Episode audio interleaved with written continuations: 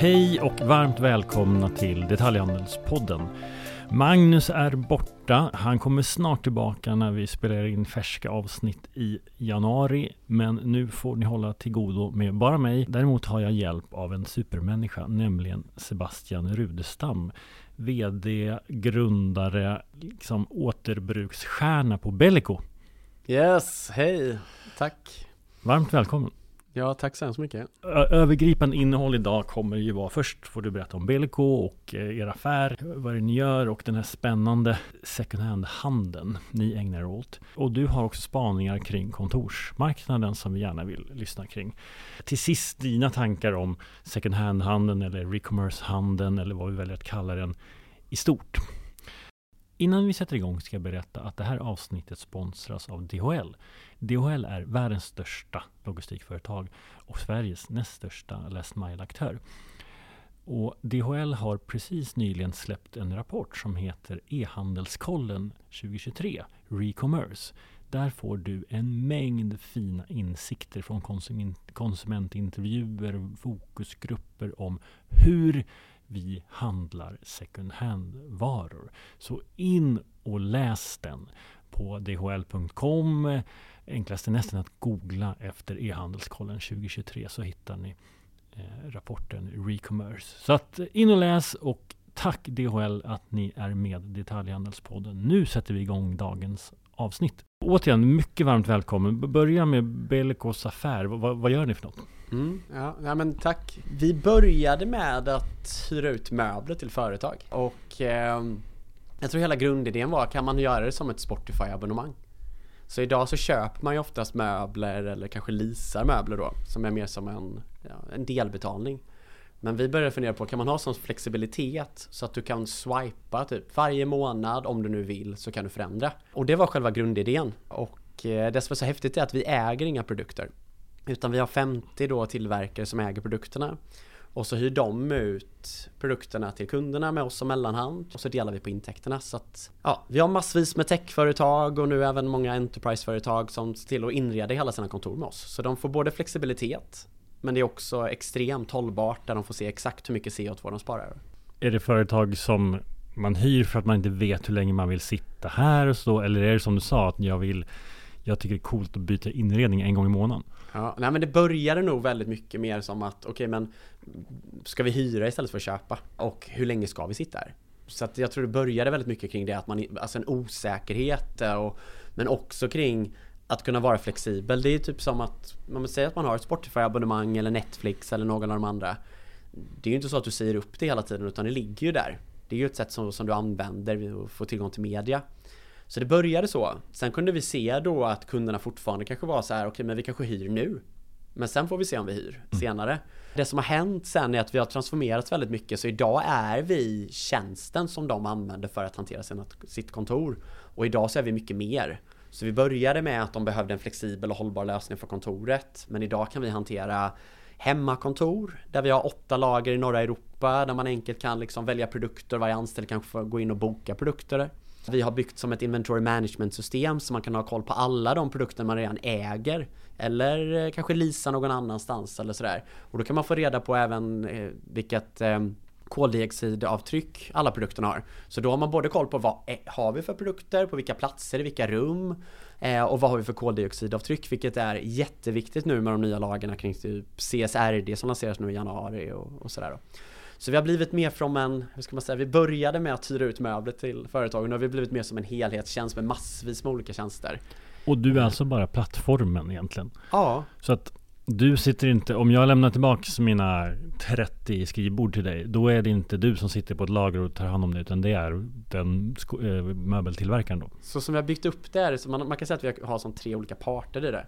Så vi har någon som lagrar produkter, då har vi åtta olika lagringspartner idag i norra Europa.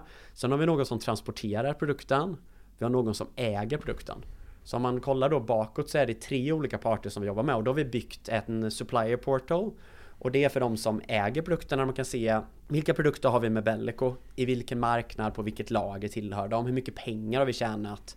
Vad har vi för nyttjandegrad? För det är så man kollar på det. Det vill säga man vill ha så närma 100% som möjligt i nyttjandegrad. Och sen har vi då en, ett eh, warehouse management system som vi har byggt så alla våra åtta lagringspartner använder vårat lagersystem och sen har vi ett transport management system, det vill säga hur hanterar man då att produkter ska fram och tillbaka, ska monteras. Hålla koll på just den här produkten som jag sitter på har ju ett unikt ID med en unik QR-kod. Hålla koll på den, så då har vi byggt all den infrastrukturen. Så de facto går den tillbaka till våran partners lager kan man säga.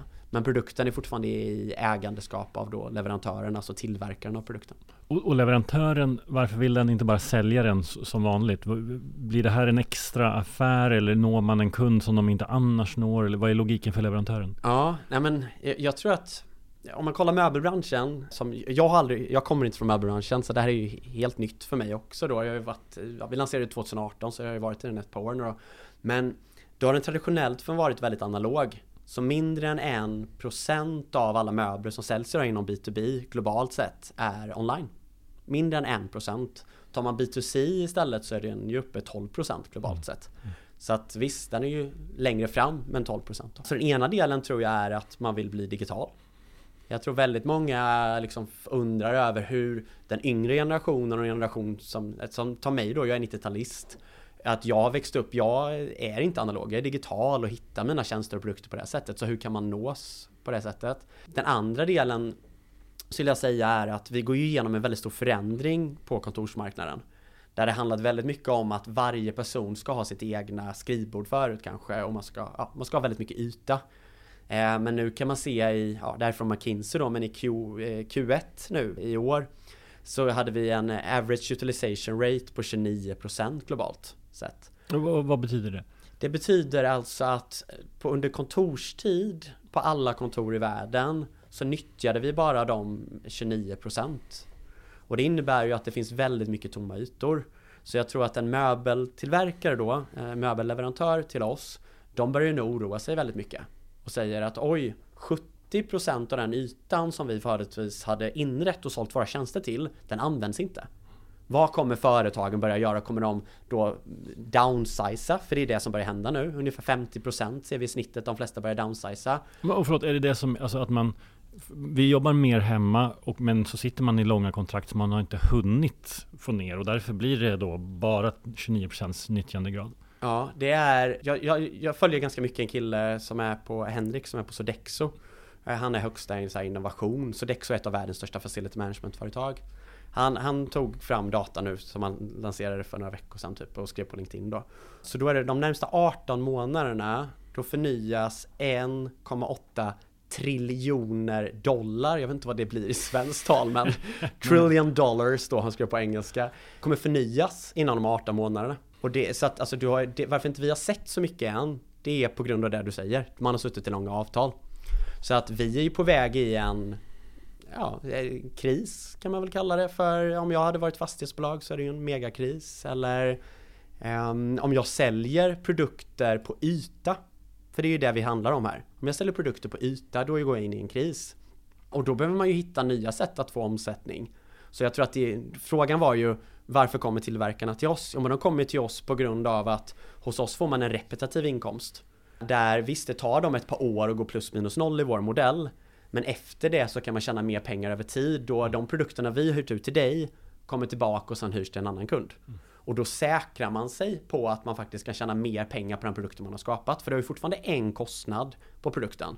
Skillnaden är att förut har du bara tjänat pengar en gång. Hos oss då får du en Ja, som en SaaS, alltså Software as a Service, du får en repetitiv inkomst på den. Ja, för jag var inne och kollade lite. Jag hittade en arbetsstol, Savo Soul, jag vet inte om jag uttalar det här rätt nu. Ja. Men Ja, den kan jag hyra hos dig för ungefär 230 kronor i månaden.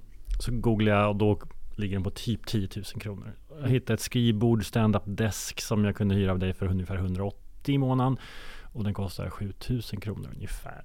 Så det är ganska bra, alltså det, det blir typ eh, tre och ett halvt år eller något sånt där som jag, när, när jag leasat det så länge så, så hade jag lika gärna kunnat köpa den. Men det jag har själv suttit och liksom köpt nya möbler till ett kontor med 30 personer. Det är ganska trist investering alltså. Så det är, det är spännande. Hur, hur mottar kunden eh, affärsmodellen? Mm, men jag, jag skulle säga att det finns två olika typer av kunder. Du pratade, vi pratade lite tidigare om det, men att det är den här ena kunden som kanske ser det som en finansieringsmodell, mm. precis som, som du beskriver. Men nu har ju vi väldigt mycket, alltså, jag får inte säga exakt, men väldigt stor del av procent av vår omsättning nu är av en kund som mer ser Ja men vi är, vi är lösningen, så det spelar liksom ingen roll hur länge man ska sitta på ytan utan man kommer troligtvis vilja förändra för att när man inreder idag traditionellt då är det på det sättet att du tror att det här rummet ska användas på det här sättet. Du tror att de här möblerna ska användas på det här sättet. Du tror att ni kommer vara så här många anställda, men ni vet inte. Och när man väl har köpt det där, då är det så här, ja men nu, nu får vi ha de här möblerna. Exakt så. Och det vi börjar märka med våra kunder, det är att de vill inte längre vara låsta på det sättet. Jag, jag sitter med ett företag här nu, de är på absolut bästa adress i Stockholm. Det är sju våningar, det är liksom fantastiskt kontor, liksom inte många år gammalt. Och när jag hade möte med dem här nu så sa de, nej men nu vill vi göra om tre våningar. Jag bara, men ni har ju precis köpt allting, inrett allting. Han bara, men det används inte. Mm. Vi trodde att det skulle användas på ett visst sätt, eh, vi trodde vi skulle jobba på ett visst sätt, det gör vi inte. Så jag tror att vi är på väg in i en mycket mer förändlig värld och de som ligger längst fram där, det är techbolagen. De som ligger kanske lite efter fortfarande, det är Enterprise-företagen. Där kommer vi in mer som en hållbarhetslösning. Mm. Så det blir väldigt mycket mer hållbart att hyra i vår modell än att de köper produkterna. Även om de skulle återbrukas så är det mindre hållbart än att hyra i vår modell då. Om det är någon som lyssnar nu och sitter på ett kontor och är jättesugen. Ja. Kan du ta hand om de befintliga möblerna. Ja, så att vi kan även, vi har ju en helhetstjänst, jag beskrev några delar vi gjorde men man kan säga att den ena delen är en plattform som vi kallar för Workspace där man kan hantera allting som är kontorsrelaterat. Och den andra delen är ju mer mjuka tjänster så vi kan komma dit och till exempel kolla på okej, okay, vad har ni för produkter idag? Vilket ska vi återanvända på ert nästa kontor? Då har vi ett inventory management system så vi lägger in allting i systemet och ser vad har ni? Vilket kan vi återbruka? Sen kan man i systemet även säga om jag vill sälja produkterna. Då klickar du bara i systemet, jag vill sälja de här produkterna och då har vi en partner som kommer och hämtar de här produkterna och köper dem. Eller jag vill göra mig av med dem på något sätt då. Så vi kan hjälpa dem med hela den här, både att sälja och göra sig av med produkterna på ett hållbart sätt. Fint att frigöra kapital också. Frigöra kapital men också, jag skulle säga att vi, det, största delen är en problemlösning. Mm. Att det är ganska skönt att komma till en partner där man har allt hos en. Och det kan man väl säga att man kanske har delvis haft hos de traditionella eh, då möbelåterförsäljarna men det har varit analogt. Skillnaden hos oss är att du får en digital plattform och i en förvärld där vi inte längre sitter på en plats och jobbar så blir det ganska skönt att kunna ha en partner. Jag har ju många nu techbolag som jobbar med där man Ja, vissa har ju upp mot 40 kontor runt om i världen. Vissa har kanske fem kontor och så här och då, då finns man i många olika länder. Och då sitter kanske den som är ansvarig för kontor, den sitter i ett land. Och då ska de hålla koll på alla de andra 5, 10, 20, 30, 40 kontoren. Det är jättesvårt, men har man det i en digital plattform då är det jätteenkelt att man kan se vilka underleverantörer man har och vilka kontrakt och så. Det är en jätteplattform vi har byggt upp. Ja, det är fantastiskt. Du, men du, och det är mest B2B. För jag ser så här, kolla på min dotter som har flyttat ner i källaren. Hon skulle gärna liksom, byta möbler en gång i månaden på riktigt. Liksom. Mm. Men du, det är än så länge kontor liksom. Det är bara B2B. Vi, vi tar emot lite privatkunder men det är ingenting som vi fokuserar på. Det blir ingen affär liksom? Nej, utan det är B2B. Jag tycker den frågan som du ställer är väldigt relevant för vi får ju den här ganska ofta. Varför gör ni inte det här? Varför gör ni inte det här? Och det tror jag handlar om trender och då är det många som brukar prata om att om hyra då, hyra är framtiden för ungdomar eller unga människor som du precis beskrev. Jag tror inte det riktigt handlar om det, jag tror det handlar om tillgänglighet. Så tillgängligheten, varför till exempel Shine och alla de här jättestora plattformarna som finns, som är extremt billiga, varför de blir så stora, det är för att det är väldigt enkelt. Mm. Det är lätt för mig att få nya produkter och det är väldigt billigt. Så tillgängligheten för mig att få hem produkter är extremt enkel.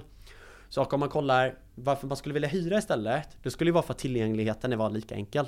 Jag betalar en liten summa för att få tillgång till någonting och sen behöver jag inte bestämma mig för om jag vill ha det nästa månad. Nej, men och för privatpersoner är väl Blocket lite det. De som är mm. sugna på att snurra hela tiden. Ja, men där, man får ju rätt bra betalt för en vara som man till exempel har köpt på Blocket och säljer den där igen liksom ett ja. år senare. Ja, men skillnaden på Blocket och alla andra marknadsplatser det är ju att det är inget Själva systemet, infrastrukturen, den är ju uppsatt av dig och mig. Så om den här produkten ska leva vidare, den här mobiltelefonen eller vad det nu är för någonting, då är det upp till dig eller mig att vi säljer vidare den. Och det är det här ostrukturerade systemet med att produkter ligger i ett linjärt system där produkter förhoppningsvis lever vidare hela tiden men det är upp till oss som har köpt dem om de lever vidare. Det är det vi håller på att förändra. Så att kollar man på det systemet där vi har byggt upp då, det vi kallar för producer own business model. Det bygger på att om tillverkaren hela tiden är med då är det ett strukturerat system för produkter att åka runt. Och, och, det är det som jag tror samhället håller på att ställa om. Så det spelar ingen roll om det är mobilitet, kläder, vad det än kommer vara. Alla kommer vara i det här och det är det som i folkmun kallas för cirkulär ekonomi. Mm. Men de flesta som idag säger att de är cirkulära, de är ju inte cirkulära. De är de, de kanske är cirkulära en liten stund i en linjär linje, sen säljer de produkterna igen. Medan vi tror ju väldigt mycket på att du mycket måste bygga en då, som på engelska kallas då för closed circular loop, alltså att det går inte att den åker utanför den här loopen. För att det är så strukturerat då. Du var ju inne på lagstiftningen, jag kan mm. inte den, men mm. jag vet att det är på gång att som EU har förstått att, att det är att producera varor som är den stora miljöboven. Ja. Kommer ställa olika krav på att produkter lever längre. Ja. Och det här är ju då ett sätt för liksom en möbeltillverkare att eh, antingen slänga på sina varor när de är i, i slutet liksom, på, mm. hos dig eller, eller på olika sätt liksom, leva, få, få produkten att leva längre. Kommer du ha lagstiftningen med dig? Liksom? Jag har redan lagstiftningen med mig helt och hållet, skulle jag säga. För att, och det visste vi ju inte när vi startade företaget. Nej. Men det, ingen vet väl om det här riktigt än? Eller ja, det är såklart ja. att ni alla är insatta, men, men det, det, det, är ganska, för det är inte riktigt så än. När, när gäller det här? Ja, men Eco Design for Sustainable Product Regulation, den börjar ju gälla från 2025.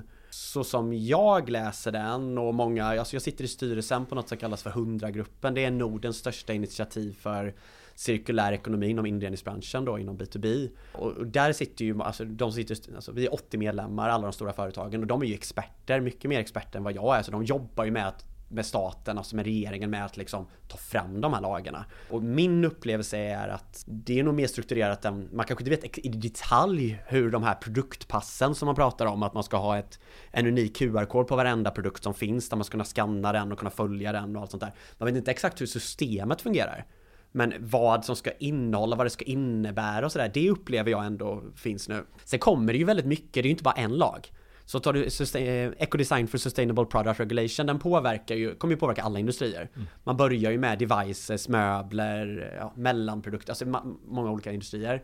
Men tar man CSRD som lanseras nu i januari, då är det ju för, för företag att de måste börja hållbarhetsrapporteringar på, mm. på alla inventarier och mm. på företaget i sitt i stort då. Den börjar gälla i januari. Eller taxonomin började gälla i januari förra året. Eller det kommer en ny lag nu där att du inte kommer få slänga funktionsdugliga produkter. Alltså du vet, och du kan ju tänka dig, tänk dig alla företag. I, i Sverige används 60% av alla möbler som, som säljs till B2B används en gång. Sen ställs de i fråd, lager, slängs, eldas upp eller sådär. 60% Då kan du tänka dig att du har en marknad där det kommer finnas Ja, inga av de här produkterna kommer ju få, få slängas utan de måste ju få tas hand om. Och då har du alltså en hel industri som omsätter, vad omsätter i Sverige? 23 miljarder möbelindustrin. Som bygger på att du hela tiden slänger produkter. Mm. Och nu kommer du ha massor med lagar som både då kräver att företagen blir hållbara och rapporterar på det. Och du kommer ha lagar som får tillverkarna att göra det enkelt att återbruka med alla de här produktpassen och att det ska vara modulärt byggt, att det ska kunna reservdelar, massa sånt där då. Och du har en lag som säger att du inte får slänga funktionsdugliga möbler. Det innebär ju att du kommer ha helt otroligt mycket produkter som på något sätt ska, vad man kallar då, eh, återbrukas eller cirkuleras. Men det finns inget strukturerat system. Och det är ju där vi kommer in. Vi, vi tror ju att det, alltså det kommer inte funka. Sebastian, det här är oerhört lärorikt. Men kan vi gå tillbaka till, du var ju inne på kontoren. Kan vi inte stanna där en stund? För min känsla, som jag inser efter att du säger det här är fel, men min känsla var ändå att under pandemin då, då, då tvingades vi hem. Eh, och massa Teamsmöten och allt startade och nya beteenden satte igång. Men nu känns det lite som att det är tillbaks ungefär som tidigare. Och det, det var min känsla, men du, det är inte så. Nej, nej, nej, verkligen inte. Alltså, och um, jag tar, tar den här Henrik igen på Sodexo då, som, eh, återigen, det här är världens största facility management-företag. De vinner på att ytan är kvar. Jag vill bara göra det superklart. Men ja, deras högsta innovationskille då, Henrik, han, han, han delar väldigt mycket data mm. och väldigt mycket relevant data. Och han gick ut nu senast, vad var det, förra veckan då, och då var det, då sa han det, jag har fått så mycket frågor nu på sistone, där eh, folk kommer till mig och säger, ja men nu är det, det är back to office, det är det som börjar hända nu va? Mm. Och, och svaret är nej. Kollar man på de som hade eh, Office First i början av året, då var det ungefär 48%. Nu är den nere på 36% i Q4. Så att det, det, det, det, stämmer inte. Och kollar vi på, jag får inte säga alla företag vi sitter med, men om vi, om vi säger, om vi, om, förut så sa jag ju det att det var Global ut, eh, Average Utilization Rate var 29%, det är från McKinsey, den kan man själv mm. kolla upp då, det var i Q1. I samma undersökning så frågades 2000 av de här högsta ledarna om de trodde att det skulle bli mer eller mindre remote. Och då svarade 60% att man trodde att det skulle bli mer remote. Så, och det var ju i Q1 och nu kan vi se vad som hänt i Q4 så det följer ju datan då. Det vi kan se i vår egna data när vi sitter med kunderna, det är att många har ju valt att köra så här tre dagar på kontoret. Det är den absolut vanligaste. Men vi trodde ju att folk gjorde det för att det fanns något, ja, någon data under eller de hade täckt igenom. Mm. Det vi har lärt oss nu, det spelar ingen roll om vi sitter med alltså företag som har 200 000 anställda eller ett företag som har, inte vet jag, 100-200 anställda. Det är att man gjorde det för att man eh, slipper ta arbetsgivaransvar gällande ergonomi. Så där du har den främsta arbetsplatsen, det vill säga mer än 50%, där är du eh, ansvarig. Ja. Och då kan man inte säga att man jobbar 50% i två och en halv dag. Så då säger man tre dagar. Ja. Det är vad vi har lärt oss. Så därför har alla kört tre dagar på kontoret. Det. det. vi kunde se sen när man kollar på datan med alla de här företagen, det är att de, de följer inte det. Så det, det, jag har inte träffat ett enda företag som följer den om man kollar på datan, utan de ligger, ett, en stor organisation, alltså nu menar vi en Enterprise, de ligger på ungefär 20% i beläggningsgrad. Eh, ett mindre företag, de ligger på ungefär 30% i beläggningsgrad. Och, och, och hur, hur, kan ni fråga, men hur vet du det? Men nu har jag ju hundratals företag och de absolut främsta techbolagen, stora Enterprise som kunder. Så jag får ju kolla på deras data. Men det där är en helt annan fråga. Det, det kommer ju ja. bli juridik på det antar jag då, så att du tvingas ha arbetsgivaransvar. Det, det händer. Även Alltså om jag trillar hemma vid kaffemaskinen, är, ja. det, mitt, är det min hemförsäkring eller min arbetsgivare? Då? Exakt sånt. Så det är ju massa sånt. Och, och det har du redan börjat använda. Skatteverket har ju redan ändrat lite liksom, skattemässigt har man gjort. Eh, Högsta förvaltningsdomstolen kom innan sommaren nu med ett det så kallade prejudicerande fall. Och där säger den att det spelar ingen roll om det är fem dagar på kontoret. Om ni har sagt att jag ska ha fem dagar på kontoret. Arbetar en anställd hemma så är ni ansvariga för arbetsmiljön. Och den kom i våras nu. Det är bara att det är ett prejudicerande fall än så länge det är inte är en lag. Så jag skulle säga att så som jag tror, jag ju, kollar ju inte bara i Sverige utan jag kollar ju på vad som har hänt i London nu då. Så har du mer än, jag tror det är en eller en och en halv timmes pendlingstid, en timme om jag inte missminner mig, så kan du inte längre tvinga in en anställd till kontoret. Och du måste ha ansvaret. Ansvaret i London är helt annorlunda. Där måste du åka hem till varje anställd och kontrollera arbetsmiljön. I eh, Holland så är det du som själv, som själv som väljer som är arbetstagare. Som jag väljer vad jag vill arbeta och du som arbetsgivare är ansvarig för arbetsmiljön. Men, men, det, men det vi tar med härifrån det är ju att då när man, det, det kommer ju innebära ännu mer hemarbete helt enkelt. För man inte, men, men, och, ja, ja och vad... jag, jag, vill bara, för sagt att jag avbröt det där, mm. men jag vill bara stoppa det där, för jag tror inte det handlar om bara hemarbete. Jag tror att det handlar om, du och jag sitter ju nu i, eh, i coworking eh, sitter ju vi här i en poddstudio och du har hyrt in dig här i den här poddstudion. Jag tror att den här flexibiliteten som du har, att du behöver inte bestämma dig för att vara här hela tiden. Det är den vi är på väg in i. Så vi är på väg in i att vi går från att man varit platsbunden, för det är så man har arbetat. Du ska vara på den här platsen den här tiden, de här dagarna i veckan, till att du som person får välja vad du vill vara. Ibland vill jag vara hemma, Ibland vill jag vara på närmsta coworking för att barnen är hemma. Ibland vill jag gå in på ett kontor, men det här kontoret är mycket, mycket, mycket mindre än vad det var förut. Så jag som person, jag som anställd, får välja var jag vill arbeta, då måste det finnas en infrastruktur för det. Dit är vi på väg. Men jag köper det till 100% när det är mig själv. Jag är ju egen och då har jag full flexibilitet. Men när du som arbetsgivare har massa anställda så vill du liksom uppnå den här teamkänslan och, det, och kulturen och att man, man, utifrån hypotesen att liksom tillsammans så blir vi effektivare. Och, det stämmer inte heller. alltså jag bara dödar dig där för det att det, det, kommer nu Boston Consulting Group som har gick ut och sa det där back, back to office. De kom ju ut med ny undersökning här nu också. Och det visar sig att de som har flexible eh, policy de var fyra gånger, de, de heter det tjänade fyra gånger mer pengar. Otroligt. Fyra men, gånger. Men så, vi... Och den datan har precis kommit ut, den kom ut också för några veckor sedan. Så att alla de här, du vet folk säger att man måste samarbeta, alltså, du vet nu börjar alla de här stickas hål på.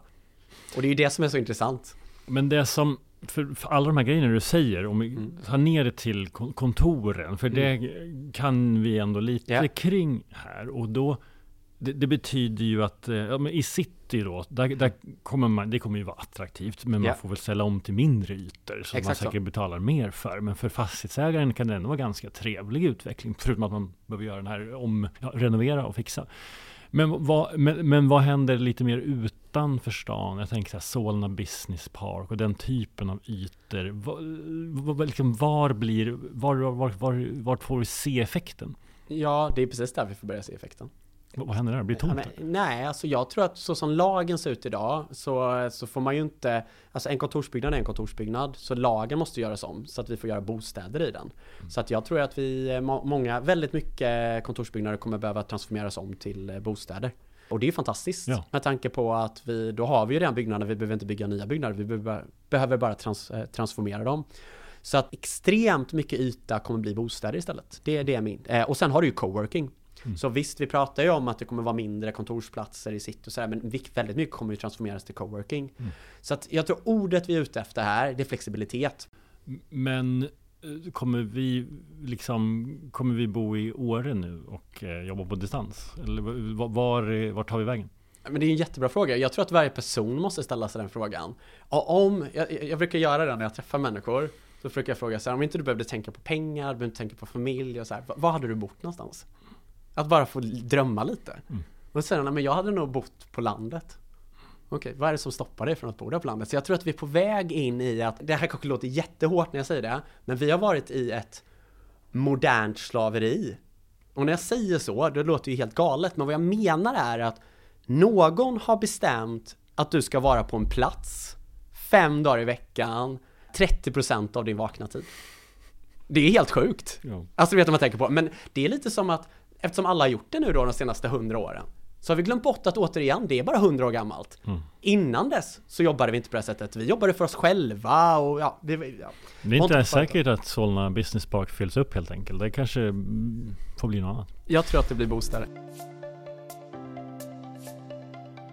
Vi, vi, du säger så himla mycket bra grejer. Vi vill hinna prata lite om Recommerce, du föredrar att använda återbruk. Det tycker jag var ett väldigt bra ord. Mm. Och jag ska säga att vi, vi har ju sett inom hållbar e-handels jobb med eh, att ta fram en skickgradering. Mm.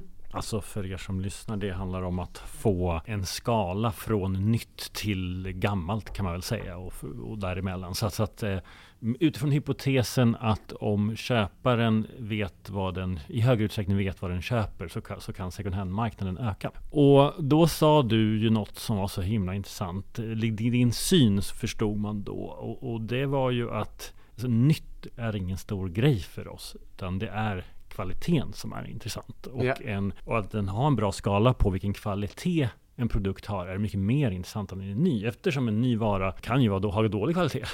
men, men, eh, berätta mer om, om, om ditt tänk där. Mm, ja, men då får man, då, då, går jag tillbaka till, det blir mycket lite åter, men, men för, först måste man kolla på hur tjänar företag pengar? Och företag tjänar pengar genom att producera en produkt, sätta ett varumärke, ha en funktion, ha en design, sälja den till en återförsäljare som säljer till dig. De har fått pengar en gång. De är ju inte jätteintresserade av, inte alla företag, det finns vissa företag absolut, men de flesta är ju inte företag att bra att bygga kvalitet.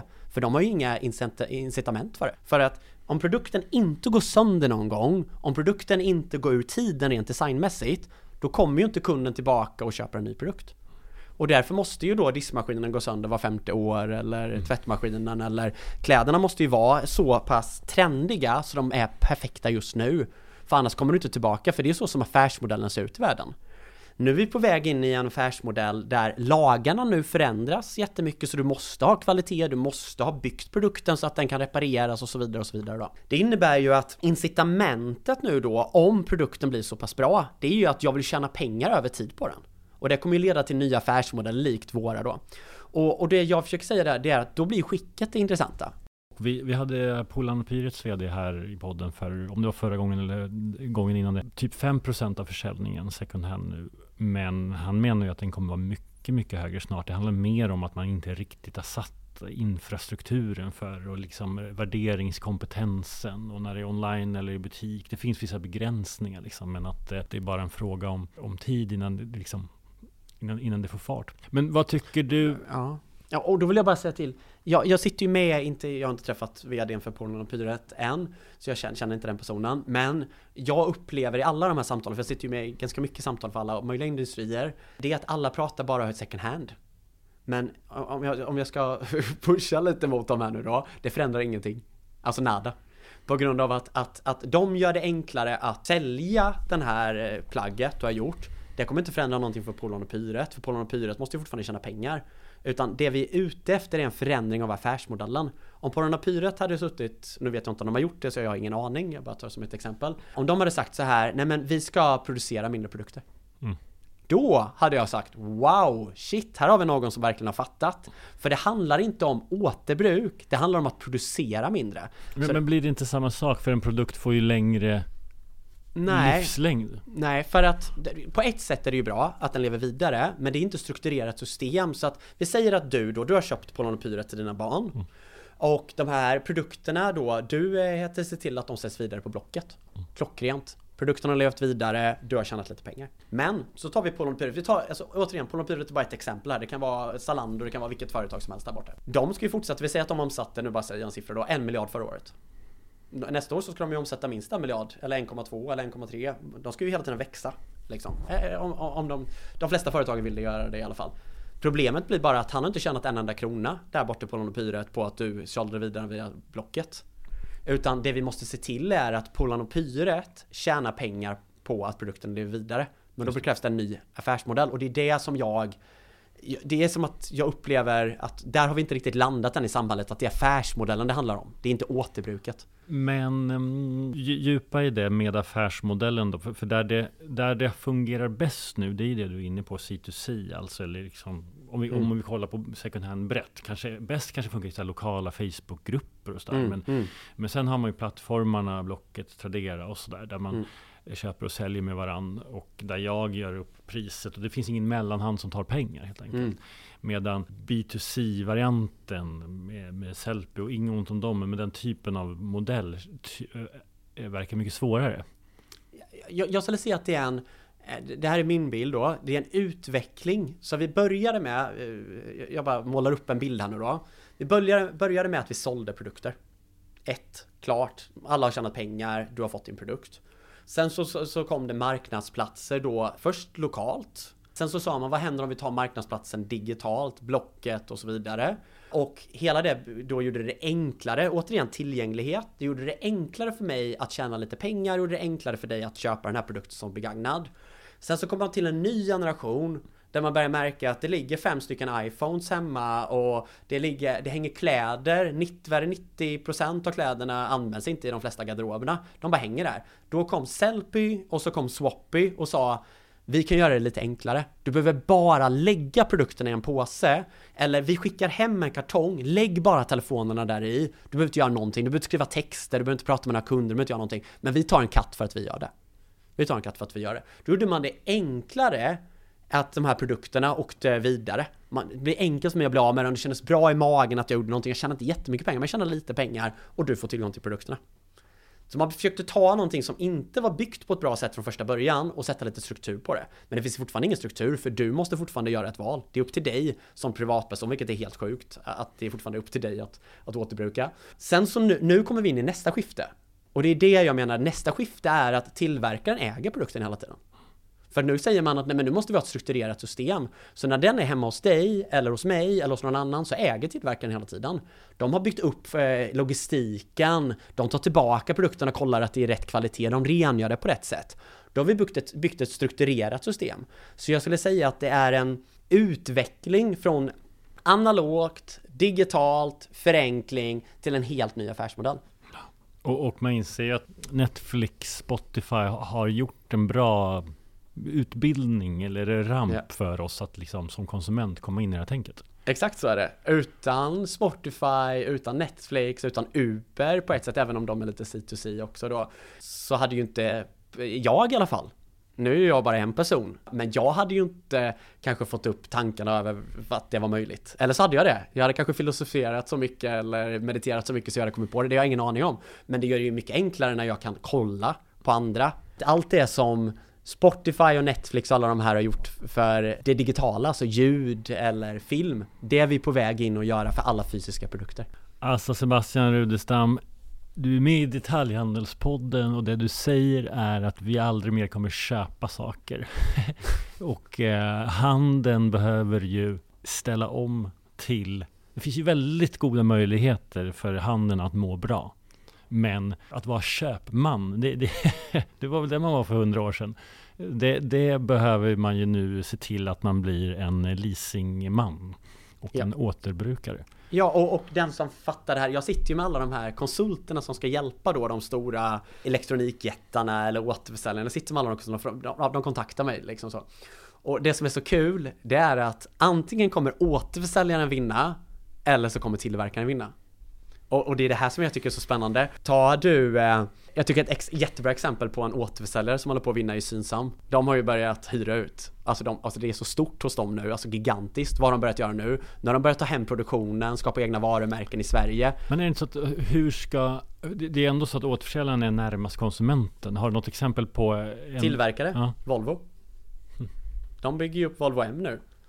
Mm. Och eh, om jag ska vara helt ärlig, om du ska ha en Uber i framtiden, då behöver du ju Volvo. Så det som jag tycker är så häftigt, alltså Volvo tycker jag är ju ett alltså perfekt exempel. Så det är en som jag tycker håller på att vinna nu då på mobilitet. Och så har du till exempel Osin som håller på att vinna som återförsäljare. Så det är antingen, fattar tillverkaren Alltså den har ju störst möjlighet. Alltså den har ju redan, den vet ju redan hur man producerar bra produkter.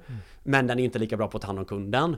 Det återförsäljaren är duktig på, det är att möta kunden, men den är kanske inte lika bra på att producera. Den har ju oftast, om vi pratar de stora elektronikföretagen till exempel, Går du på Elgiganten, NetOnNet, var du än går, 50% av alla produkter inne i butiken är egenägda varumärken. Och så, så att de, de har ju varit duktiga på att bygga en viss typ av produkt, alltså en billigare produkt. Oftast är det så att när du går och så säger de här har du HDMI-kabel, den är från det här kända varumärket, eller så kan du köpa från det här varumärket. Då är det ju deras egna varumärken som de har större marginal på. Så de har ju egna varumärken, men de har ju aldrig varit duktiga på att bygga varumärke så som Ja, inte vet jag, Apple eller många andra, liksom vad det nu finns för varumärken. De har varit jätteduktiga på att bygga varumärke, så att framtiden, det är om tillverkaren, alternativt återförsäljaren, vem som fattar det här först, och vem som blir bäst på att bygga varumärket. Det finns ju ett- i handeln också ett mått av så one stop shop. Alltså det är Mm. skönt att ändå gå till en butik eller om det är en hemsida men att Mm. där allting finns. Mm. Så, och det måste ju ändå vara en möjlighet för plattformar och retail. Medan leverantören ju bara har sin Volvo liksom.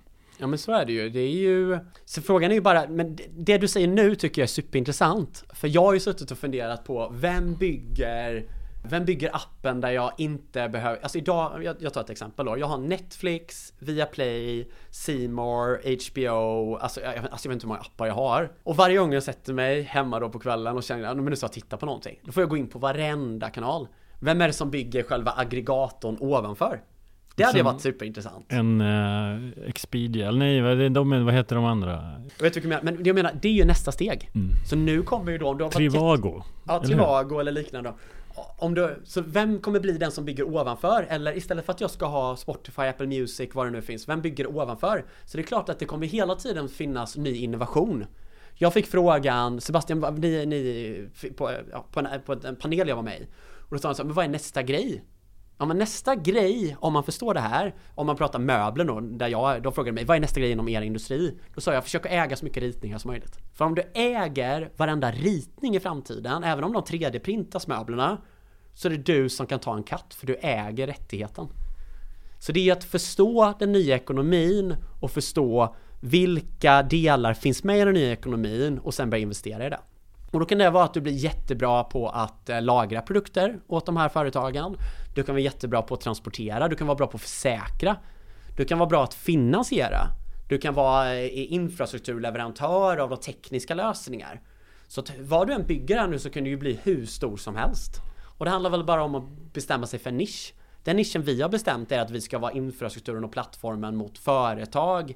Där den ena delen är hur vi hjälper tillverkarna att transformera tillsammans med lager och logistik. Och den andra företagen hur man hanterar en hybrid arbetsplats. Det är den, den vi har tagit.